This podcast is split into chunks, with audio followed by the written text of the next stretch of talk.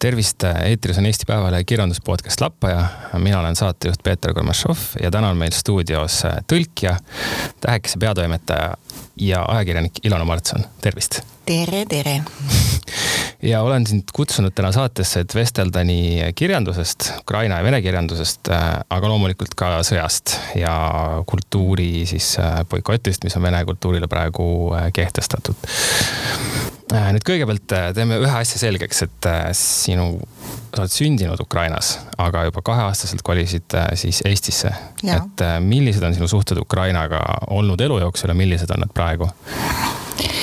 E, elu jooksul oli nii, et vanaisa, vanaema elasid Kiievis ja, ja noh, kuna isal olid vanavanemad surnud, siis need ongi minu ainsad vanaisa, vanaema, keda ma tean.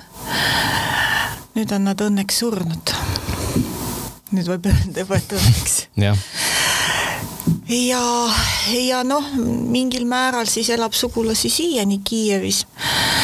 loomulikult äh, ma ka, äh, olen saanud Eesti hariduse, käinud Tallinna teises keskkoolis, mis praegu on reaalkool äh,. Läksin lasteaeda viieaastaselt ühtegi sõna eesti keelt oskamata, õppisin seal selle keele aastaga umbes selgeks ja pärast seda olen eeskätt ikkagi Eesti keskkonnas üles kasvanud.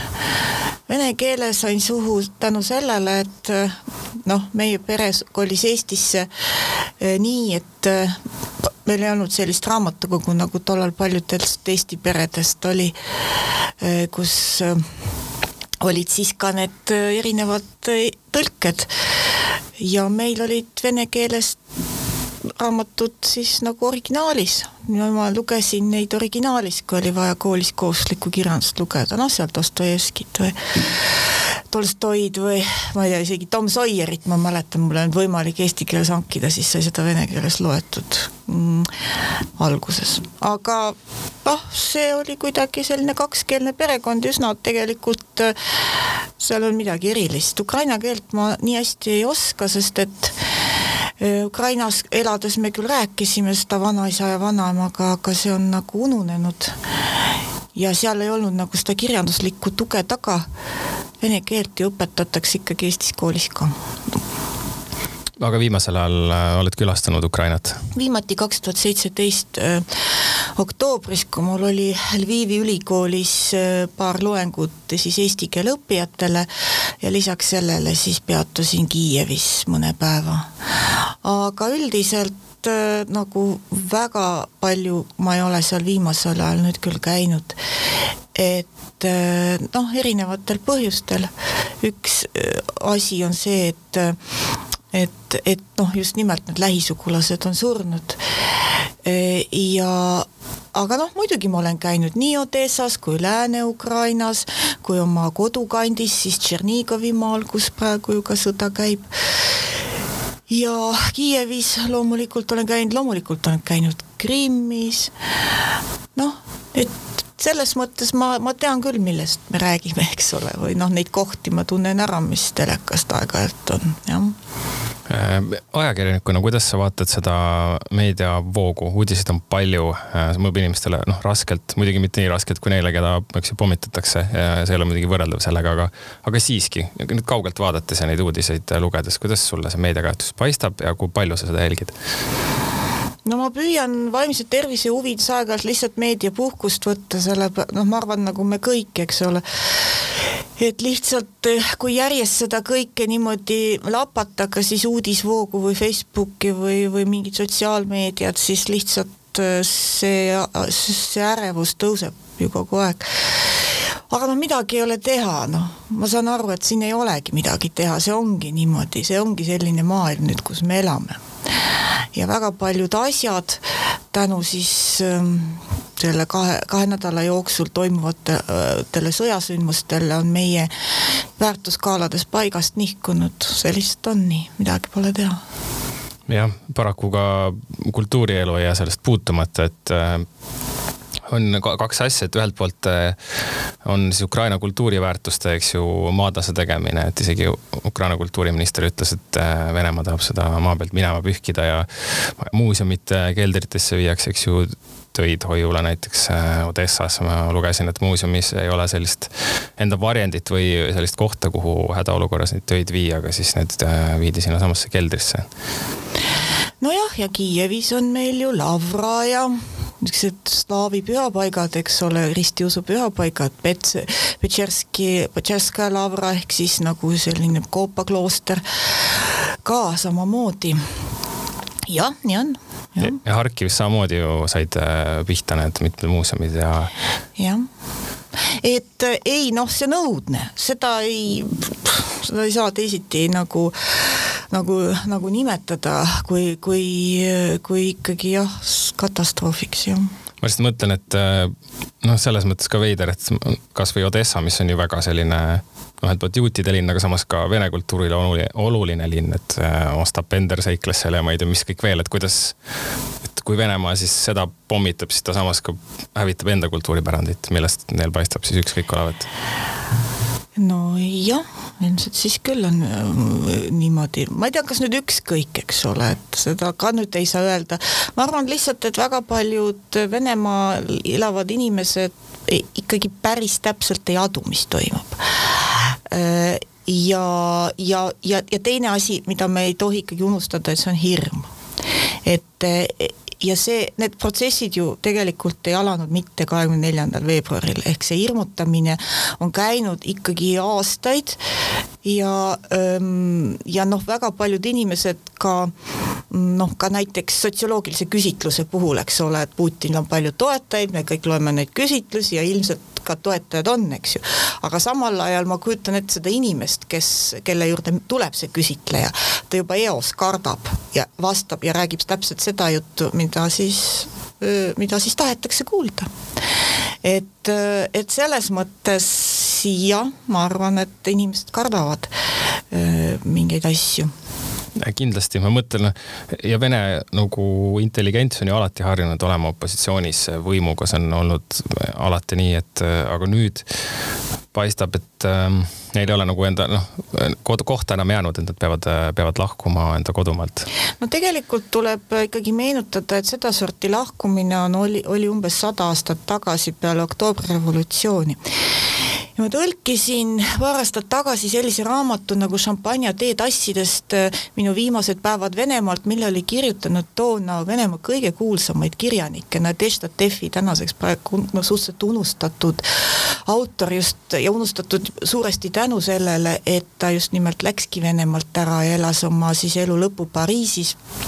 Äh, ja, ja see, mida ta kirjeldab, kuidas ta Kiievist rongiga minema sõidab nii, et käivad paugud, rong saab pihta, inimesed jooksevad prožektori vihus hullunud nägudega, keegi ei tea, kus suunas tormata, kuidas ta jõuab Odessasse, kuidas ta loodab, et ta saab seal siis mingi rahusadama, ei ole, ja sõda tuleb ka sinna, kuidas siis leitakse mingisugune laevakökats, mis alguses ei sõida, aga öö jooksul insen-, mingid insenerid, kes on veel jäänud Odessas, panevad sellele laevale niimoodi seal nagu selle sõidu sisse, et laev suudab sõita, tagurpidi ainult ja siis selle tagurpidi sõitva laevaga nad hakkavad mööda Musta merd tuttedi, tuttedi sõitma, eks ole.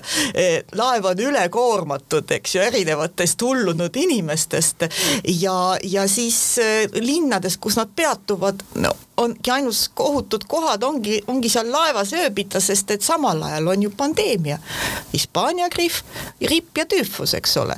nii et isegi kui ta läheb mõnda tuppa, siis peremees, noh, et kas saab välja üritada, peremees ütleb, kahjuks ei saa, sest ma matsin oma tüüfust surnud naise, kaks poega on surnud, mina üksi olen veel elus.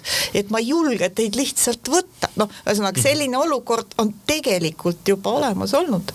ja ma arvan, et noh, jah et noh, kõik kordub, räägitakse küll, et ajalugu kordub, aga siis juba farsina, aga minu meelest see ei ole farss siin praegu, mis on, see on natuke hulle, hullem asi, jah. See on hullem, jah, muidugi vene kultuuris äh, on see vastumürgina alati toiminud, see absurd ja, ja huumor ja, või siis ka joomine sellele valitsevale hullusele, aga praegu no. on seda väga raske kuidagi kasutada, tundub. ei tea, see neti huumor ju vohab ja, ja, ja kõik need naljad, eks ole, mis me loeme erinevad meemid ja. selle sõjalaeva kohta. ja sõja, see, on ju täitsa olemas, et, et loomulikult need on ju ma, ma arvan, et, et mingis olukorras lihtsalt ei jää muud üle, kui naerda jah ja., ega selles mõttes kaks valikut, kas naerda, naerda või nutta, et kui on halb olukord, üldiselt nii see on aga noh, minul on nagu ikkagi tunne selle vene, no ma siia tulles mõtlesin selle küsimuse peale, et kui palju siis seda vene kultuuri nüüd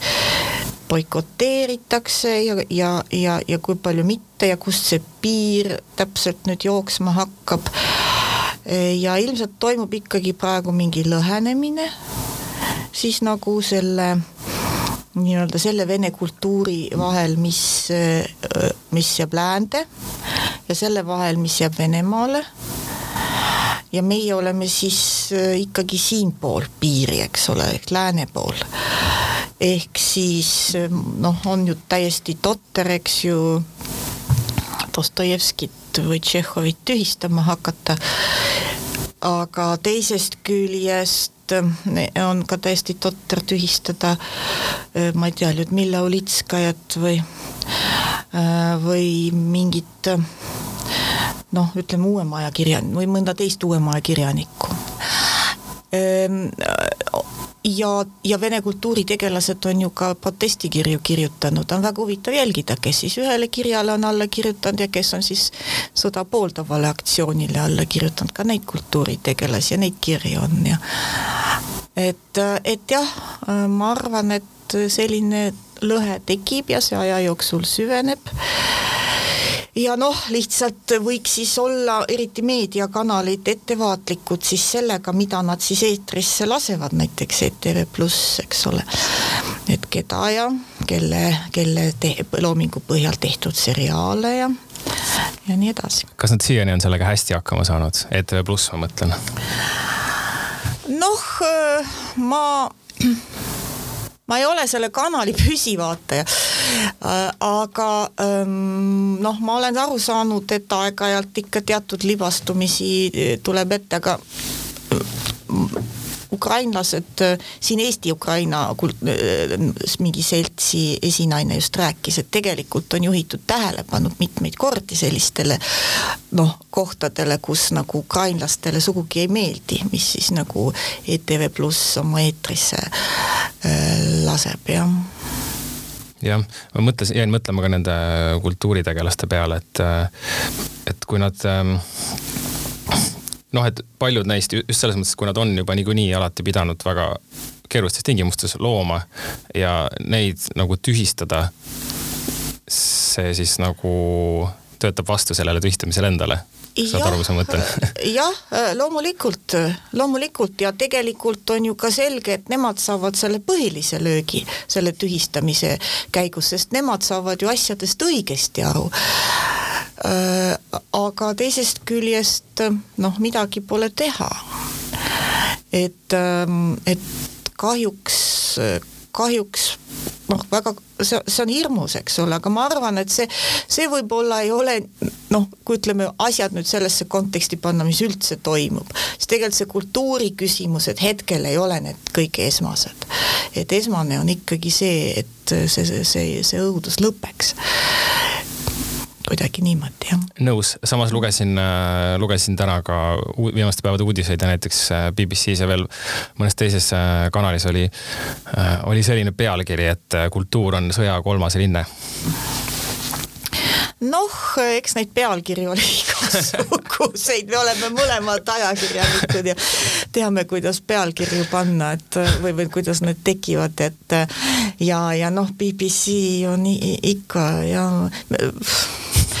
jah, ma, minu meelest on kuidagi ikkagi niimoodi, et äh, sõjal on teat-, see tähtis on ikkagi see, kui, kuivõrd läänemaailm Ukrainat sõjatehnikaga aitab ja ait-, lennukitega aitab, aga see, mis kultuur, noh, ütleme siis muusad vaikivad, kui kahurid kõnelevad. No ei, no päris nii ka ei saa öelda muidugi, selles mõttes, et noh, mina saan aru ikkagi, et ukrainlased just noh, kuidas nad seal vastu peavad, et ikkagi väga palju levib ukraina keeles mingeid kas või ka luuletusi, eks ole, mingeid tekste, mis, mis, ilukirjanduslikke tekste, mida siis inimesed tegelikult sellele lägitavad, et kuidagi vaimu nagu üleval hoida. Et ja, ja jah, laulud muidugi, eks ju, et, et ma arvan, et ikkagi see, see roll siiski teatud olukorras jääb. aga noh, me ei kuule neid laule siin Eestis, eks ole, nii palju. Kuna ikkagi Ukraina mm, kultuur ja kogu see Ukrai-, Ukraina värk on olnud ikkagi selline hästi nišivärk et olgem ausad, ikkagi viimase uuema aja Eestis nagu me ei, tegelikult ei tunne Ukraina kultuuri, mina ka ei tunne. Ehm, me teame küll Ukraina kultuurikeskust laboratooriumi tänaval, ehm, me teame neid, seda perekonda, seda suurepärast Ljutjukke, eks ju, kes on, kes on täiesti fantastilised ja mis nad teevad, aga kultuur kui selline, ehm, mis on Ukrainas, on suur maa, seal on väga erinevaid, erinevaid asju, eks ole, ja, ja, ja no Eestis ei teata sellest eriti. see raamat nüüd, mul on laua peal üks raamat, Sergei Žadani Depeche Mode mis siis ilmus äh, kahekümnenda aasta augustis ja äh, tegelikult äh, lugu on, räägib siis üheksakümne kolmanda aasta suvest, kus siis kolm Harkivis olesklevat noormeest, mina jutustaja Žadan, koer Pavlov ja kommu-, kommunisti Vasjamaad peavad leidma üles ühe neljanda kamraadi karburaatori Saša, et anda talle edasi tähtis teade. Ja noh, tegelikult on see selline jooma ja narko selline road movie stiilis kirjutatud väga lõbus raamat. E, kuidas ta siia sattus, e, sattus ta ka täiesti juhuslikult, kuna e, siin käis üks Ukraina kirjanduskriitik Prima Vistal, sattusin teda kuulama umbes ühena viiest inimesest. Ja tal oli kaasas näpuotsaga, see oli juba peale Ukraina siis seda kahekümne nelja, kahe tuhande neljateistkümnendat aastat peale Maidani, peale Krimmi annekteerimist. E, tal oli kaasas siis mõned raamatud ka vene keeles ja üks oli siis see Depeche Mode e, ja sai siis see raamat sokutatud Loomingu Raamatukogu toimetusse e, ja, ja viie aasta pärast, oh imet, eks ole, lõpuks ometi noor tõlkija Riina Roasto hästi andekas, äh, andekas ja paljust keeli oskav ähm, noor naine, kes on Lvivis olnud ka eesti keele õpetaja, tegi siis selle ära, et ta tõlkis selle ära aga noh, kuulge, see on kolmekümne aasta jooksul esimene raamat, mis on ukraina keelest otse tõlgitud. Äh, nii palju, kui ma aru saan, siis sellest tuleb uus väljaanne Loomingu Raamatukogul äh, et nad annavad selle uuesti välja selles mõttes, sellesama, sellesama raamatu? kui palju ma sellele Loomingu Raamatukogule olen rääkinud, andke veel, meil on praegu nii, no seda, seda raamatut väga palju kiideti, eks ole. et, et, et andke midagi muud, andke töösse, andke kohe töösse, kir-, kirjutage Riinale, öelge, et me tahame seda ja seda teha. ja, jah, arutame, vaatame. oskad sa soovitada mõnda autorit või raamatut? Äh, vaat see on hea küsimus, selles mõttes, et hetkel kindlasti ei saa jällegi soovitada asju, sest et jällegi kogu see koordinaadisüsteem on muutunud, eks ju. et, äh, et seda on, selleks peaks ikkagi Ukraina kirjandust natuke paremini tundma et mul on olnud mingeid erinevaid pakkumisi, ma ei hakka neid mõtlema praegu välja käima, sest et äh, jällegi ma arvan, et on teine äh, aeg. ma saan öelda, millega ma ise tegelen. et äh, minul on praegu laual kaks lasteraamatut, üks on mul siin kaasas see on siis Bologna raamatumessil saanud olulise preemia aastal kaks tuhat viisteist, see on raamat, mis räägib lastele sõjast. ja see raamat on muinasjuturaamat ta, temas ei ole kurjust. Eh, see on lihtsalt sellest, kuidas sõjast on võimalik võit-, sõda on võimalik võita valguse ja, ja headusega ja, ja see on, see on üks raamat, mida ma tahan tõlkida, milleks, mis ilmselt eesti keeles lähiajal ilmub. ja teine raamat räägib siis ühest tüdrukust, Maiast, Maiast ja ja tema sõpradest, kes selle annab siis välja Koolibri ja just siia tulles koos siin pressiteadet, et siis raamatu müügi tuleb, tulu läheb siis sõjas kannatada saanud Ukraina laste toetuseks. Nii et need on need asjad, mida mina olen suuteline Ukraina keel, oma napi ukraina keele oskusega tegema Äh, aga kindlasti on praegu väljakutse ikkagi Eesti kirjastajatele, et nad leiaksid üles need, kes oskaksid nagu natuke ukraina keelt paremini esinesid neile mõistlike pakkumistega. sest ma saan aru, et inimesed tahavad väga aidata aga me oleme tegelikult juba ammuilma selle aja maha maganud nii. jah ja., aga nende inimeste seas, kes siia tulevad või on juba tulnud, võib ka olla ju tegelikult äh, ma ei tea, kas just eesti keele oskajaid, aga noh, võib-olla on, aga, aga autoreid ja kultuuritegelasi üldse? Ähm, noh, äh, jah, ma nagu ei ole praegu nüüd kursis, kes need inimesed on, kes siia tulevad, et seda, seda on nagu väga raske öelda. Äh, aga selleks, et tõlkida kirjandust, see, selleks peaks ikkagi eesti keel olema inimese noh, ütleme emakeel või, või ta peaks olema vähemalt selles siis, kui ütleme mitte emakeel, noh tehniliselt võttes ei ole ka minul ju eesti keel emakeel, et ta võiks olla ikkagi selles Eesti kultuuriruumis üles kasvanud, et siis on võimalik, et inimesest tuleb hea tõlkija sellest on jah, tõsi, see, see on väga oluline ju tajumaks äh, lisaks otse, noh otse ei saa kunagi tõlkida, aga mm, mis ma tahtsin veel öelda selle kohta on ju, et, et on selline mõte välja käidud, et võiks ollagi selline kultuuride vahetus Eesti ja Ukraina vahel, et valitakse mingisugused elemendid ja võib-olla mingid raamatud välja ja tõlgitakse siis vastastikku ära, et üksteisest oleks kergem aru saada.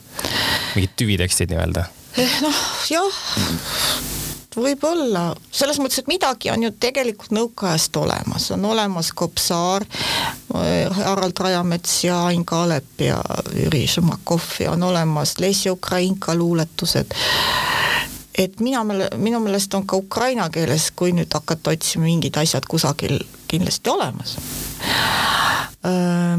Aga küsimus on ju selles, mis noh, ütleme, me elame kaasaja maailmas, et mis on siis need tekstid, mis võiks kõnetada praeguseid ütleme siis meid ja neid, eks ju, ja, ja noh, selles mõttes on asi kahjuks selline jah, et ukraina keeles on välja antud vist üks Tomuski raamat, hundi sõbrad ja siis nüüd pidi ilma Piret Raua raamat, natuke napkad jutud, lasteraamat, eks ole. Äh, ja noh, Maarja Kangrol vist on mingeid luuletusi olnud, no ütleme, luule osas on midagi on olnud, ma seda äh, ei julgenud öelda, et üldse midagi ei ole. aga noh, selliseid romaane ma nagu ei tõrjutud mälestused vist minu meelest ilmus ukraina keeles, imbipaju et, et, et ei, ei noh, seal on suured-suured laigud ja ja noh, ma ei tea, me ei täida neid paari kuuga. See on selge. Seda vist äh, on raske teha jah. Ja,. no ma mõtlen ka, ma tean noh, muusikuid näiteks Beat Nitsa on selline bänd olemas.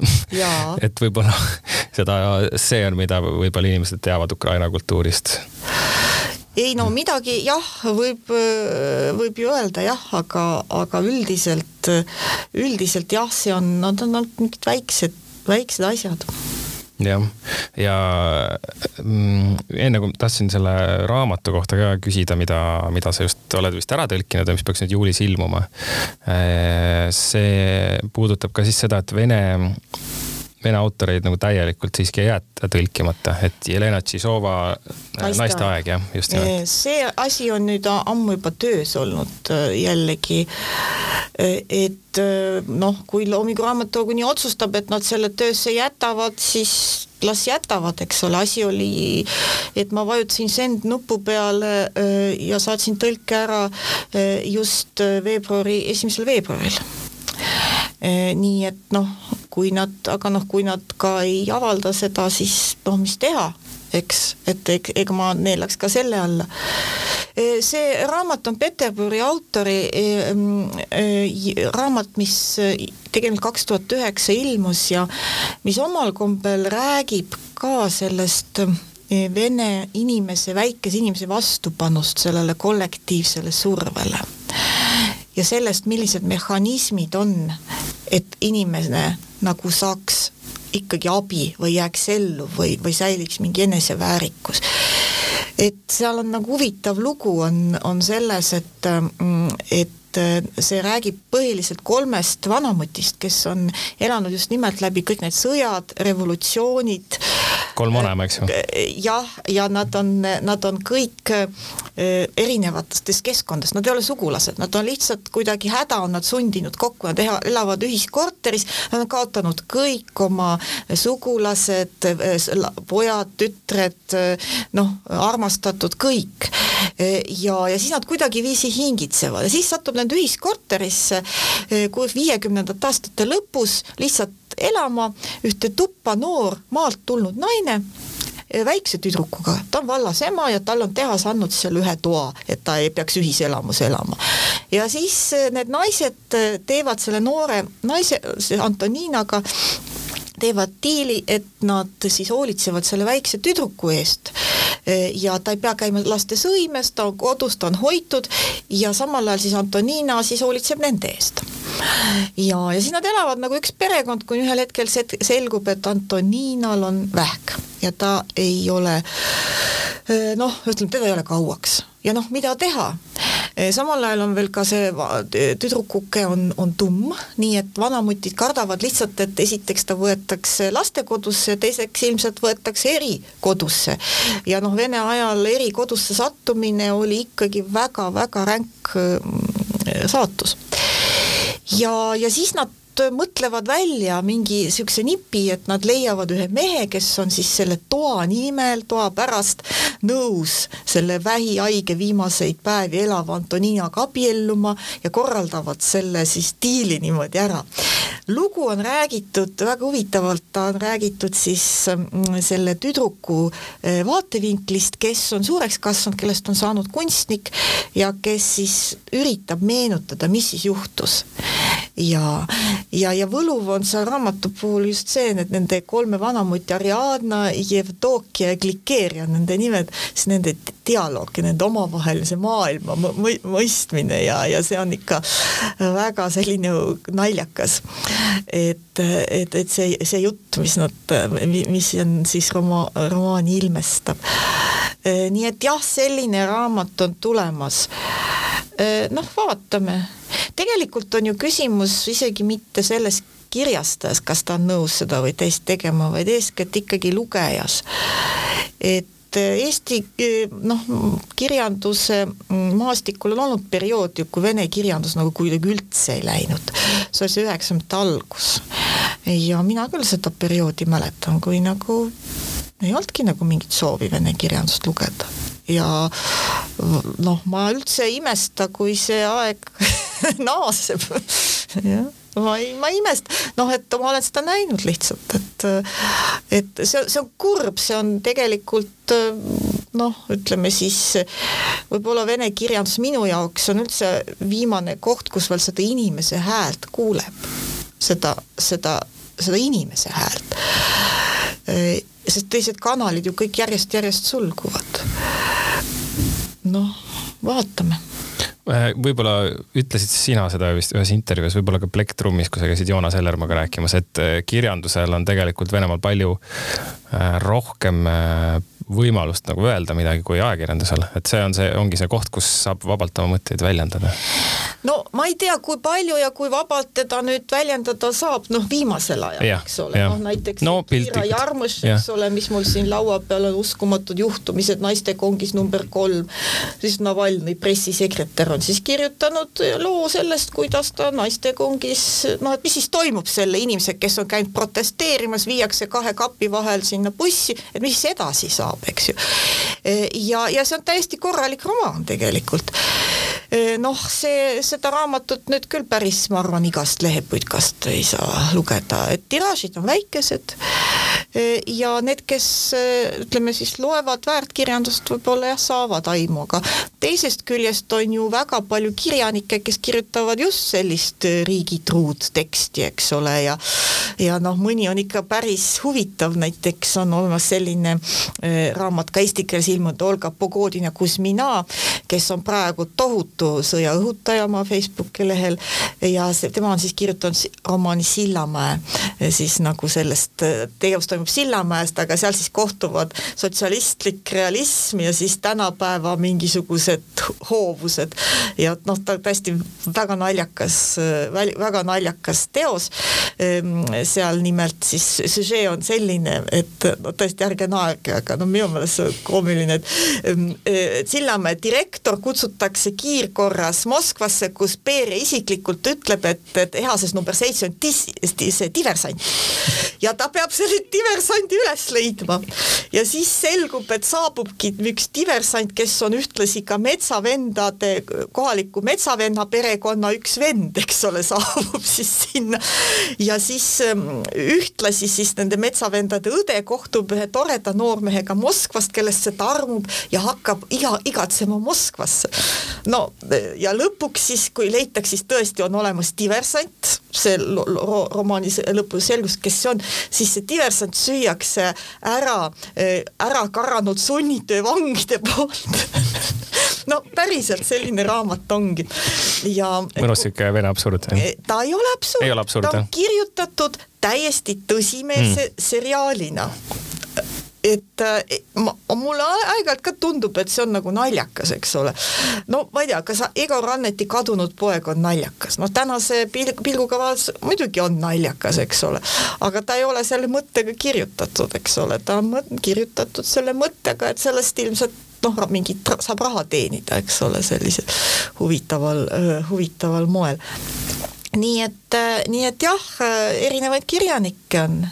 ja huumor muutub ajas ka, eks ju, eks see on ka mis asi, mis toimub, et mõni asi on naljakas äh, hiljem ja, ja jah, nii on.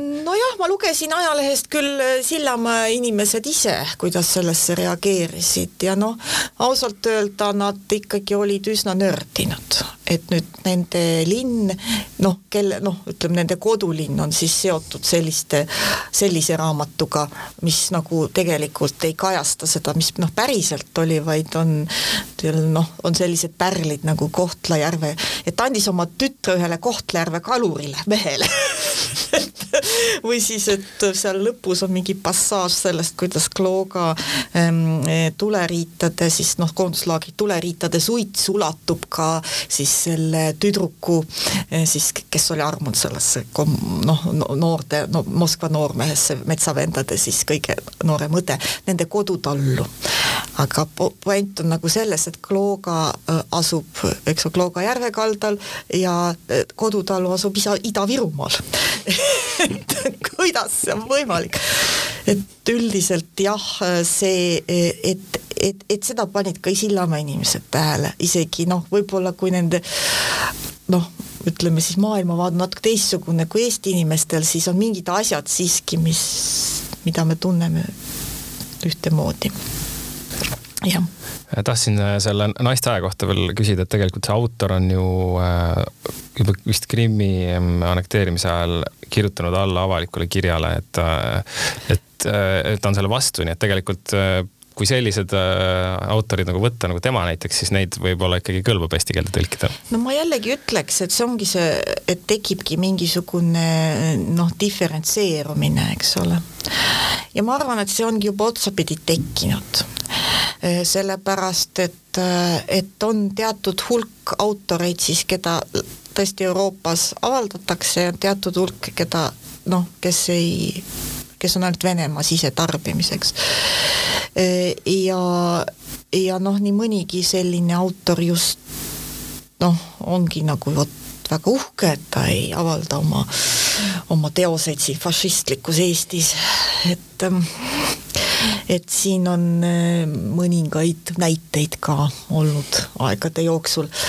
tahaksid nimetada kedagi? Äh, jaa, noh näiteks Lukjanenko, Natšnoi Dazor, eks ole, öövahtkond siis, tema on väga uhke siin meil, et ta noh, on ja noh, siis on näiteks selline autor nagu Aleksei Ivanov, keda ma palun mitte segi ajada meie armsa Andrei Ivanoviga, kes on jumala meie Eesti, Eesti-vene kirjanik, aga mm, Aleksei Ivanov näiteks oli ikkagi niisugune tüüp, kes teatas, et ta ikka põhimõtteliselt siin ei taha, et tema teosed eesti keeles ilmuks.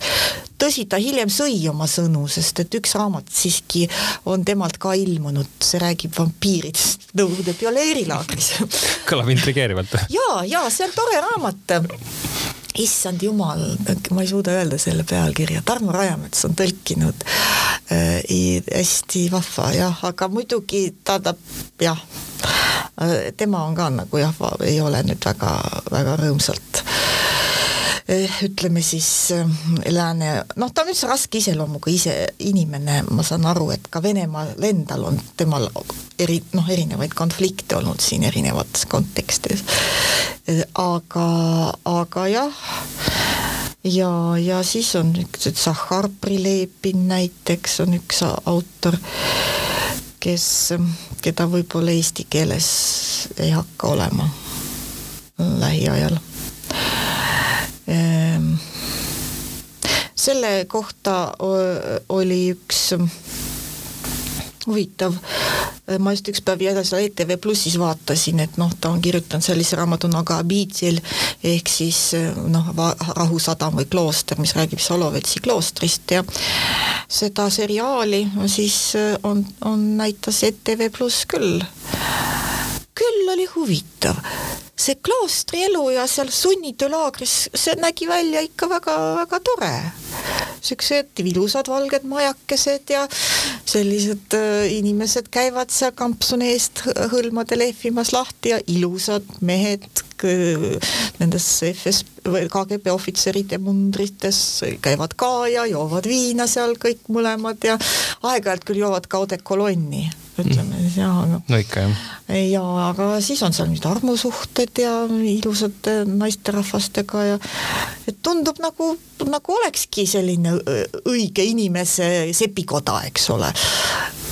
noh, jah, ma olen ka Varlam Šalamovit tõlkinud, nii et Kolumaa jutud, jah? jah, jah, et ma nagu enam-vähem mm, ma saan aru, et ikka tegelikult ei olnud niimoodi tegelikult oli see ikkagi põrgum, mis seal, mis seal oli. ja annaks jumal, et sellist asja ei korduks. see on jah, täiesti suurepärane raamat, mida ma tahaks kõigile soovitada, kuigi Urmas Vadi vist äh, ütles, et mingis mõttes on seda raske soovitada, kui ta sellest kirjutas, et äh, et, et see ongi selline raske lugemine, aga samas nii täpselt äh, selline nagu ma ütleks isegi, ma ei tea, kes on sellised täpsuse lühiduse meistrid nagu Hemingway, aga mida, midagi sarnast, aga lihtsalt veel palju valusamalt teeb ta seda. kusjuures ma tundsin seda ka, et kui Hemingway oleks saadetud sunnitöölaagrisse eh, seal seitsmeteistkümneks aastaks ja siis no vaadata, mis tast siis järgi jääb, kui ta ellu jääb, siis vot midagi sellist jah, ongi, midagi sellist ongi selles eh, kirjutamislaadis just, see napp lõpus, eks ole, vähesed detailid ja siis mingi kuristik, mis, mis nende abil avaneb ühel hetkel ja kõik need puändid ja kui meisterlikult see kõik on nagu välja toodud. jaa. nüüd nii kolme-nelja lehekülje peal ka nagu kogu maailm ära seletada. jah, ja tegelikult Šalamov, keda noh, eluajal ju ei tunnustatud sisuliselt üldse ja, ja kes suri hooldekodus ja nii, tema ju nägi, tema, tema nägi ette ka tegelikult seda ohtu, mis tegelikult Venemaal ongi nüüd. ma olen selle peale palju mõelnud. ta kirjutab sellest, et et Venemaale on omane kurjategijate romantiseerimine et nende platnoi kultuuri eh, populariseerimine, et see kõik on nii romantiline ja nii tore ja tegelikult väga paljud kirjanikud langevad sellesama asja küüsi. ehk siis nad hakkavadki neid platnoisid kujutama ette nagu õilsaid Robin Hood'e, õilsaid vargaid, eks ole aga tegelikult ei ole see midagi õil-, õilist, et seesama Platnoi reedab su esimesel võimalusel, ta, tal ei ole ei häbi ega au, eks ole, ja ka see varga koodeks on tegelikult, no see on pättide koodeks. Ja nüüd on paraku niimoodi, et see varga kultuur on läinud nagu pigem isegi selliseks ametlikuks. et ehk siis ähm, ka nende Vene noh, ütleme siis äh, ametiisikutega Putini enda sõnavõttudes seda platnoi keelt juba kohtab nii palju, et, äh, et mul nagu, mul nagu tunne, et see kurjategijate koodeks on jõudnud lihtsalt väga kõrgele, eks ju, Venemaa variandis just see, mille eest Šalamov tegelikult hoiatas.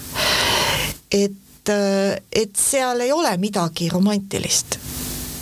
see on, see on kurjategijate jõuk tegelikult, kes siis nagu äh, Venemaad praegu valitseb, eks ju. ja kes, kes arvavad, et, et noh, ongi, ongi kõik, see ongi nii tore, eks ole, et nüüd pommitada inimesi ja ja noh, kurjategijatel on ju sama, et nad nagu Äh, et nende jaoks nagu see fraier või see mitte siis äh, mitte, mitte, äh, mitte siis platnoi vennaskonna liige, ta ei ole ju inimene, eks ole. Et ta võib näiteks kaartidega võib maha mängida tema, tema selle varandu, vara natukese. noh, Šalamovi lugu, eks ole, algab ju sellega, kuidas kaks siis meest satuvad peale vaatama varaste kaardimängu, üks varas mängib ennast paljaks, tal ei ole midagi enam noh, kuskilt enam võtta. Ja siis ta võtab sellelt ühelt mehelt ära kampsuni, mis sellele siis Freierile on väga kallis. Tal ja, ja me, ja Freier ei ole nõus andma, punnib vastu ja siis lüüakse ta lihtsalt maha kampsuni pärast. noh, noh, ütleme sel-, sedasorti asjad, see ongi see loogika, noh, et mul on vaja sulle, sa ei anna, et sa noh, saadki siis nuga et äh, jah, nii on jah. see oli üsna jube, jube jutt jah, kuigi seal äh, see üks nendest äh, varastest, kes mängis, ütles vist teisele, et kas nüüd nii ikka oli vaja teha. mulle jäi meelde see lause. ja, ja no see on jah, et kas ikka oli vaja teha jah, et tõepoolest, et ütles jah aga ma olen nõus, et see, see on läinud nagu see kurjategijate romantiseerimine, mis on nagu kaugel sellisest Robin Hoodilikust äh, kuvandist, et, et see on noh, ka vene kinokunstis tegelikult ka filmide peale mõeldes väga palju on neid äh, seal. jah, ja ka selles äh, popkultuuris või laulu, laulu, mm, poplaulude kultuuris ehk siis need vargalaulud on ju väga siuksed populaarsed, eks ole, ja, ja ka noh, erinevad noh, kas või näiteks eh, too juhtum Marussia Kliimovaga, eks ole et eh, kuidas üks noor Peterburi eh, naine võttis endale pseudonüümiks Marussia Klimova, mis on ühe kuulsa Odessa varga laulu peategelase järgi. ja arva, ma noh, mõtlesin, et jube naljakas on, et võtaks sellise. ja, ja noh, siiamaani on nagu, ta, ta, ta ei osanud muidugi arvata, et pärast kuskil üheksakümnendate keskel hakkas igast raadiojaamast tulema see laul, eks ju. ja, ja, ja see noh, Marussia Klimova pseudonüüm on muidugi jätkuvalt olemas. ja see ei ole see naine, kellest Odessa Varga laulus juttu on. aga, aga noh, Eesti kontekstis muidugi me neid seoseid ei näe, eks ole, et see on ainult siukeste vene kultuuriga, noh, ütleme siis vene kultuuris elavate inimeste eh, asi jah kuidas sinuni üldse vene kultuur jõuab ja, ja mille järgi sa, mis kanaleid sa jälgid ja, ja, ja kuidas ja kuidas sa seda tarbid, kui nii võib küsida? Äh, ma arvan, et ega ma suurt ei, äh, ei tarbigi, selles mõttes, et ma, ma ei saa öelda, et ma oleks nüüd tohutu äh, vene kultuuri tarbija. et ma lihtsalt olen nagu või noh, võib-olla ma ise arvan, et ma ei tarbi, eks ju, ma ei tea, ma olen nagu harjunud sellega, et e, e, Tallinnas elades on meil kolm keelt, eks ole, kolm kohalikku keelt ja ja ma kasutan neid vastavalt vajadusele ma arvan, et aeg-ajalt ma käin mõnda vene filmi vaatamas, no loen mõne vene, vene keeles raamatu läbi, aga ma ei ütleks, et see oleks nüüd mingisugune, eh, mis ma nüüd eh, oleks noh, ütleme, ma oleks nüüd tohutu asjatundja.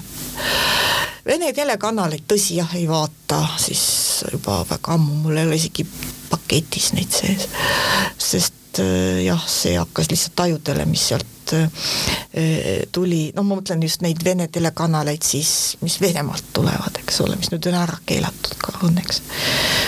parem hilja kui mitte kunagi. jah.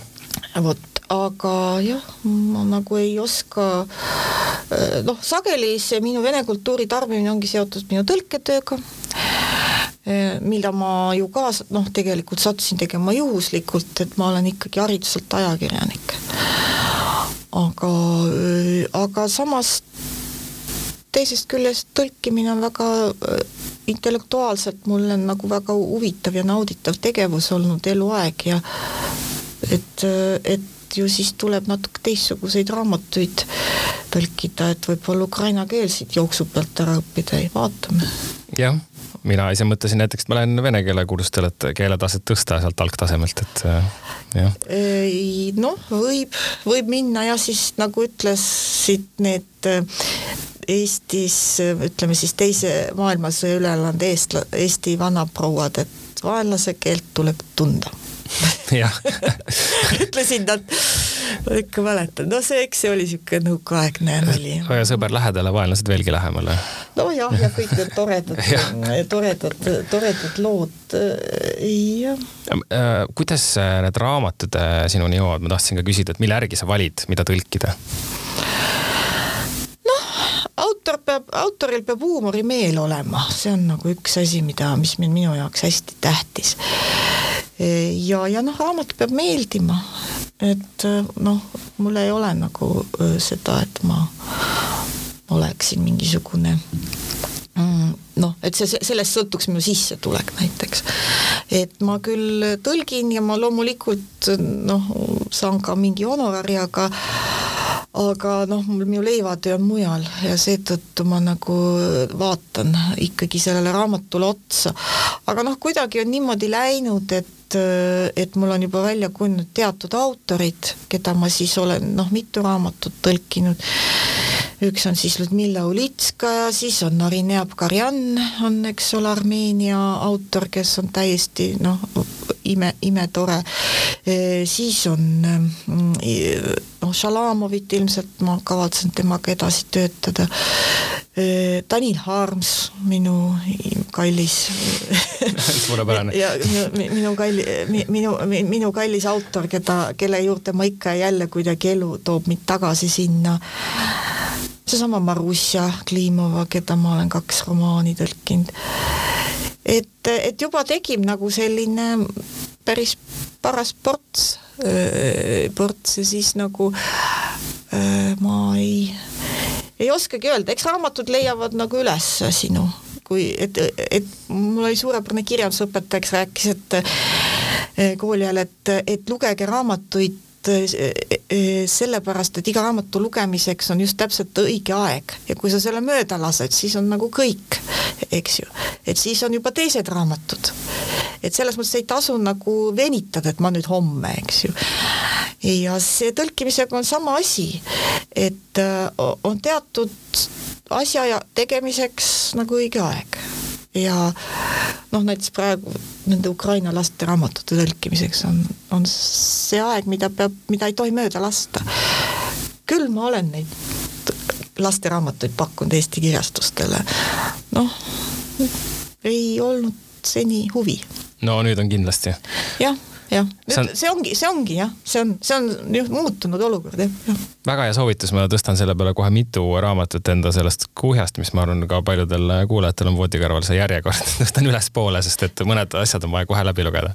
jah, ma Või pakun küll, et võiks teha selles kunnikus nagu nüüd väikse revisjoni, et mida ülespoole tõsta ja mis aeg on mööda lastud ja, ja mida, mida siis teistpidi nagu jällegi allapoole lükata et, et ma küll ei ütleks, et nüüd on ilge patt nüüd mingi raamat pooleli jätta või hmm. et, et või või näiteks lugeda läbi, ma ei tea, üle ridade, mis sa arvad, et Mart Juur loeb sul kõik raamatud läbi, mis ta soovitab või? Ha-ha-ha et juhuslikult, kui oled mõnda tõlkinud ja kuulad, mis Mart Juur soovitab, siis saad aru küll, et tegelikult ei ole see sugugi see töö nii perfektne, et rida-realt jah, et, et selles mõttes ma arvan küll, et, et see ei ole mingi noh, et sa nüüd pead, ma ei tea, algusest lõpuni.